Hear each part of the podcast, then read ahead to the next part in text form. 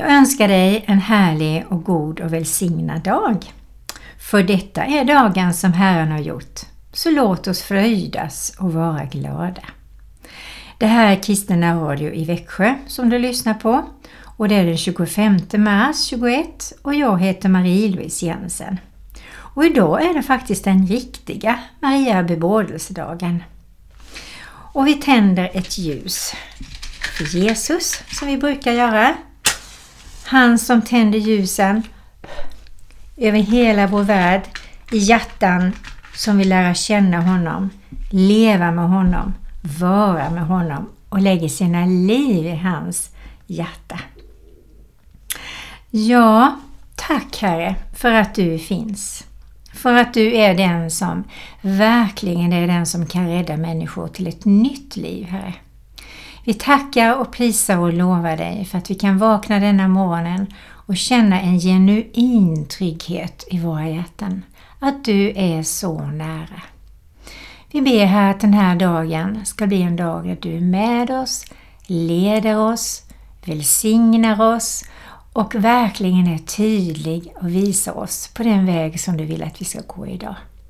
Och att ditt ord är våra fötters lykta. Så hjälp oss här att gå på din väg idag med glada och så stadiga steg som vi bara kan. I Jesu Kristi namn. Amen. Ja, man kan tänka lite grann på det med bebådelse då.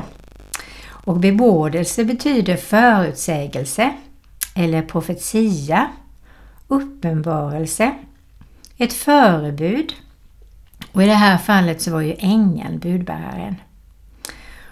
Och ordet benådad betyder rättfärdiggjord, rikt utrustad, välsignad, frälst och räddad.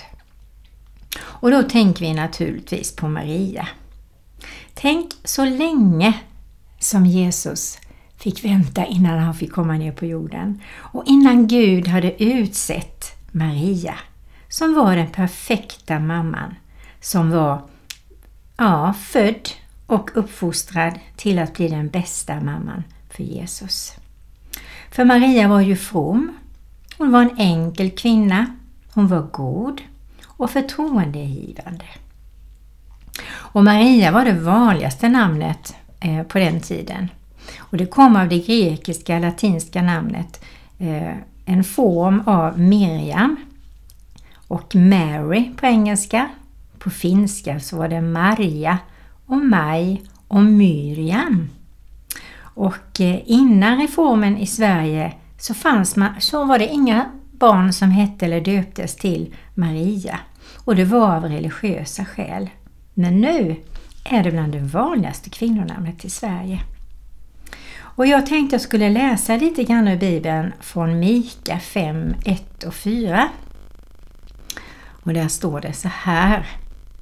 Och Mika, han levde 737 till 690 år före Kristus. Och då tänker jag, vad länge Gud måste ha väntat på att det skulle vara rätt kvinna. Och så många år sedan som Mika berättade det som profet. Och nu läser vi det. Messias ska komma till Betlehem med överskriften. Samla nu dina skaror, du skarornas stad. De reser belägringsvallar mot oss. De slår Israels domare med käpp på kinden. Men du, Betlehem Efrata, som är så liten bland judatusenden, från dig ska det komma åt mig en son som ska härska över Israel. Hans ursprung är före tiden, från evigheters dagar. Därför ska han överge dem fram till den tid då hon ska föda och ha fött. Då ska det som är kvar av hans bröder få vända tillbaka till Israels barn. Han ska träda fram och vara en herde i Herrens kraft i Herren sin Guds namns höghet.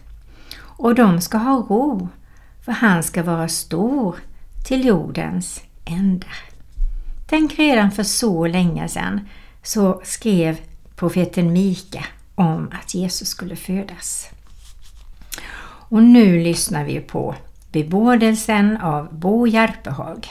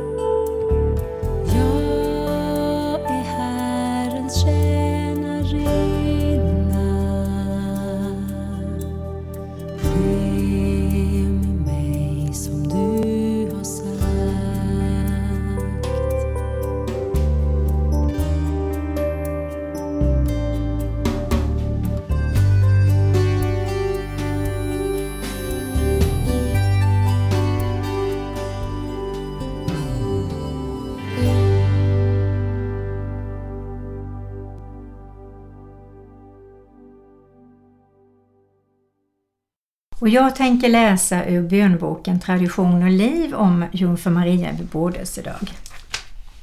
Och det handlade om uppmärksamhet och förväntan. För det är två nyckelord för en livsattityd som är öppen för det oväntade och oförutsägbara. Somliga har fått denna livshållning som gåva, men för oss flesta handlar det om att vinna och återvinna ett ständigt öppet förhållningssätt. Maria är kanske urtypen för denna öppenhet och hon fick förverkliga den i sin gudsrelation. Föreställningen att hon skulle ha varit undergiven och självutplånande är direkt felaktig. Maria levde lyhörd och mottagande mot Gud. Men socialt sett var hon ofattbart stark när hon tog emot ett litet barn som inte tillkommit inom äktenskapet. Kombinationen av bredvillighet inför Gud och fasthet inför människor är Marias signum. När Maria säger ”Jag är Herrens tjänarinna” avsäger hon sig alla andra underordningsrelationer.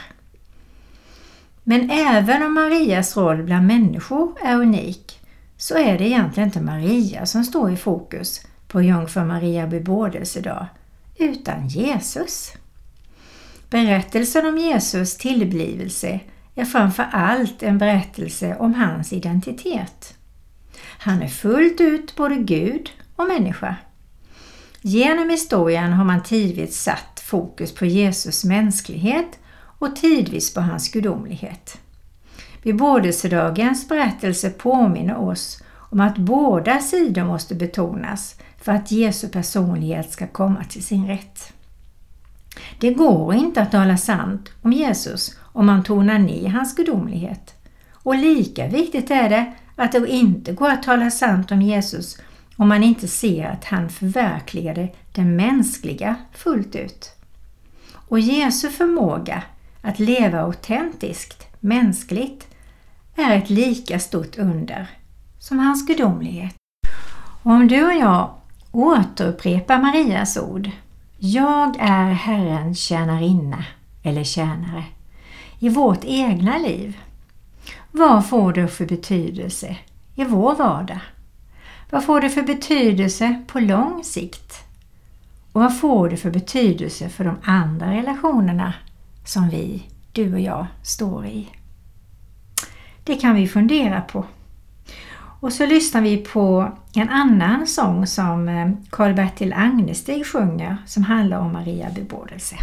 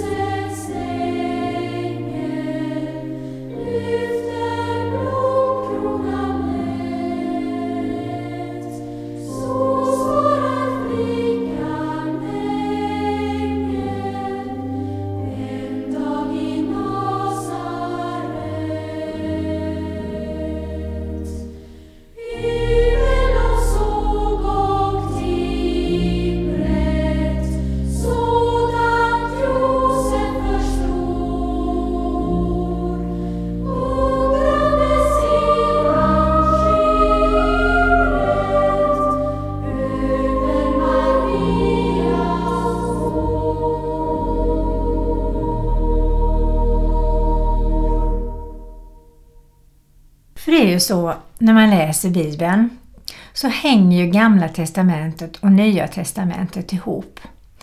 Och det tar ju tid innan man ser de här trådarna. Men det är så fint när man märker och förstår, wow, det här uttalades kanske 500-700 år innan det verkligen skedde.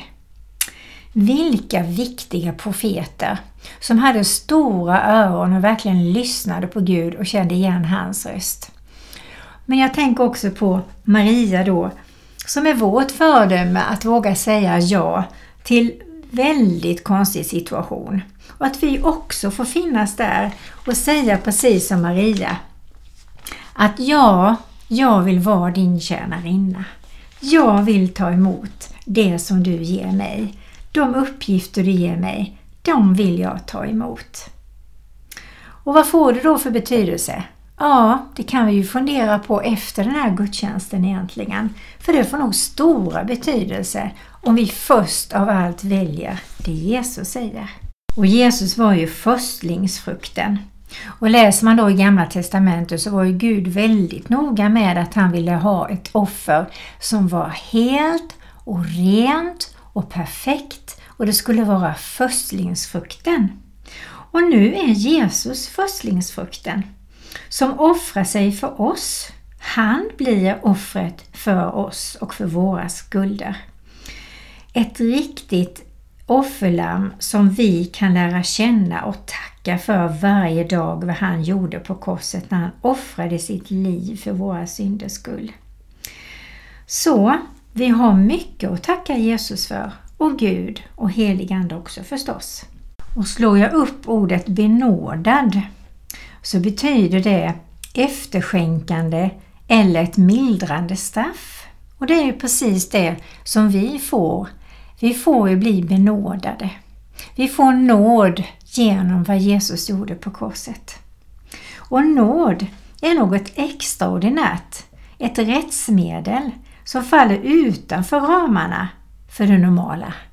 Nåd är ju någonting fantastiskt och det tar tid att liksom kunna hitta rymden i det ordet och att leva i nåden, av nåden och att ge andra människor ett benådande genom vårt sätt att möta dem i olika situationer.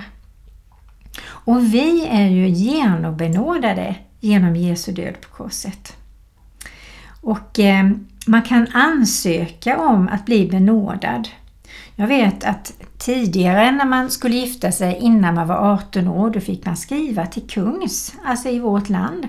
Och eh, han fick då godkänna om man skulle gifta sig så tidigt.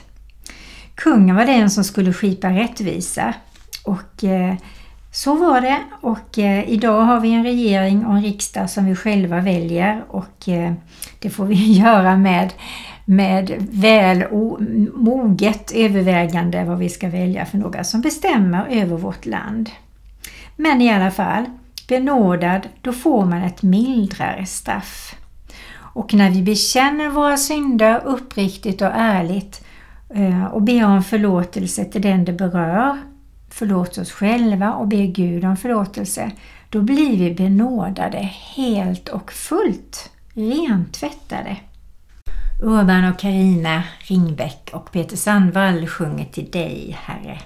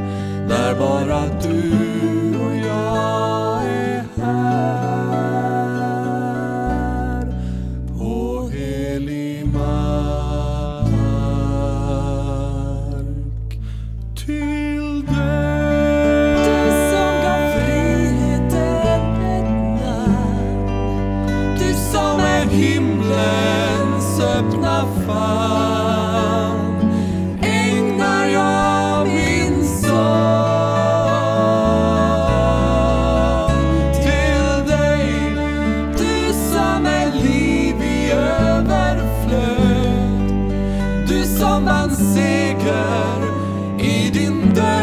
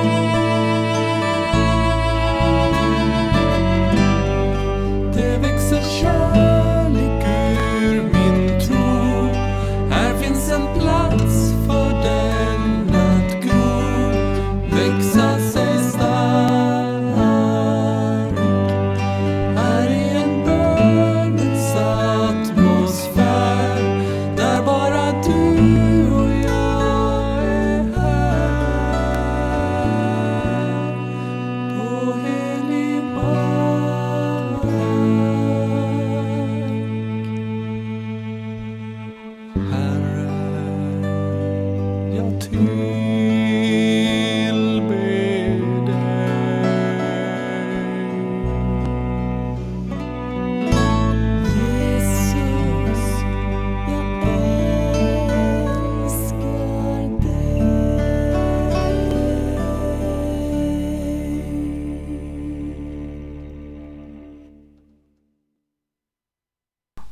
Läser eh, där bak i psalmboken om Jungfru Maria bebådelsedag.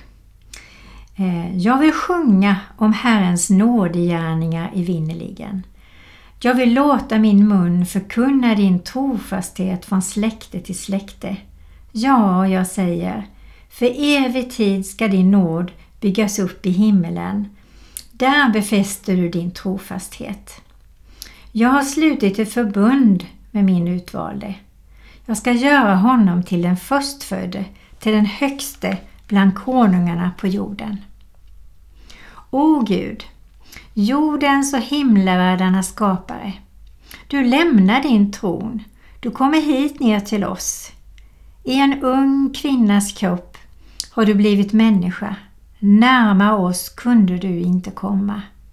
Du har trampat med dammiga fötter på våra vägar, gråtit vår gråt, ätit vårt bröd, sett stjärnorna ur vårt perspektiv.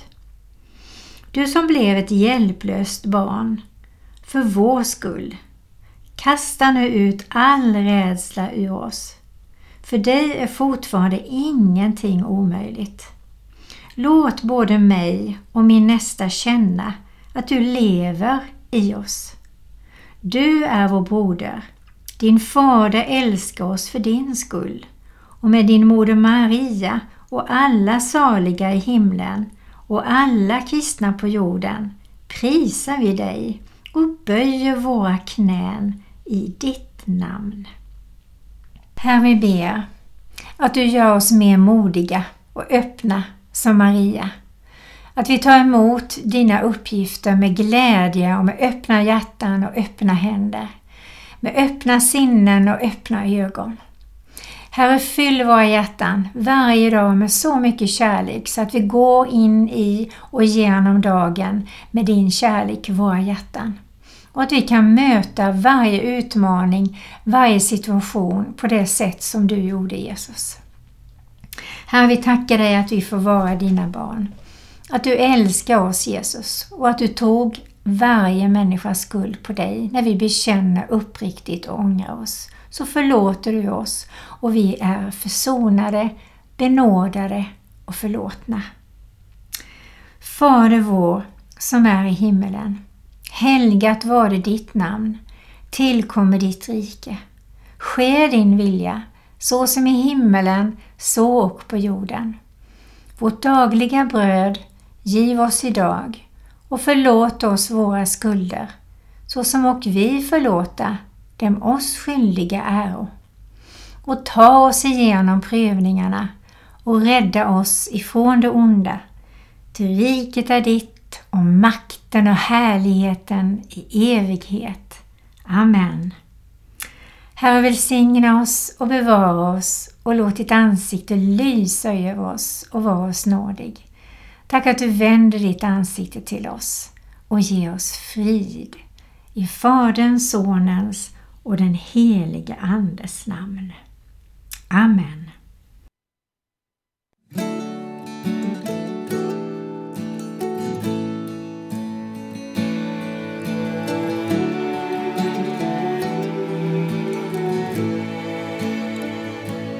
Bara du är värdig som Bara du är värdig vårt lov. Bara du är värdig vår hyllning.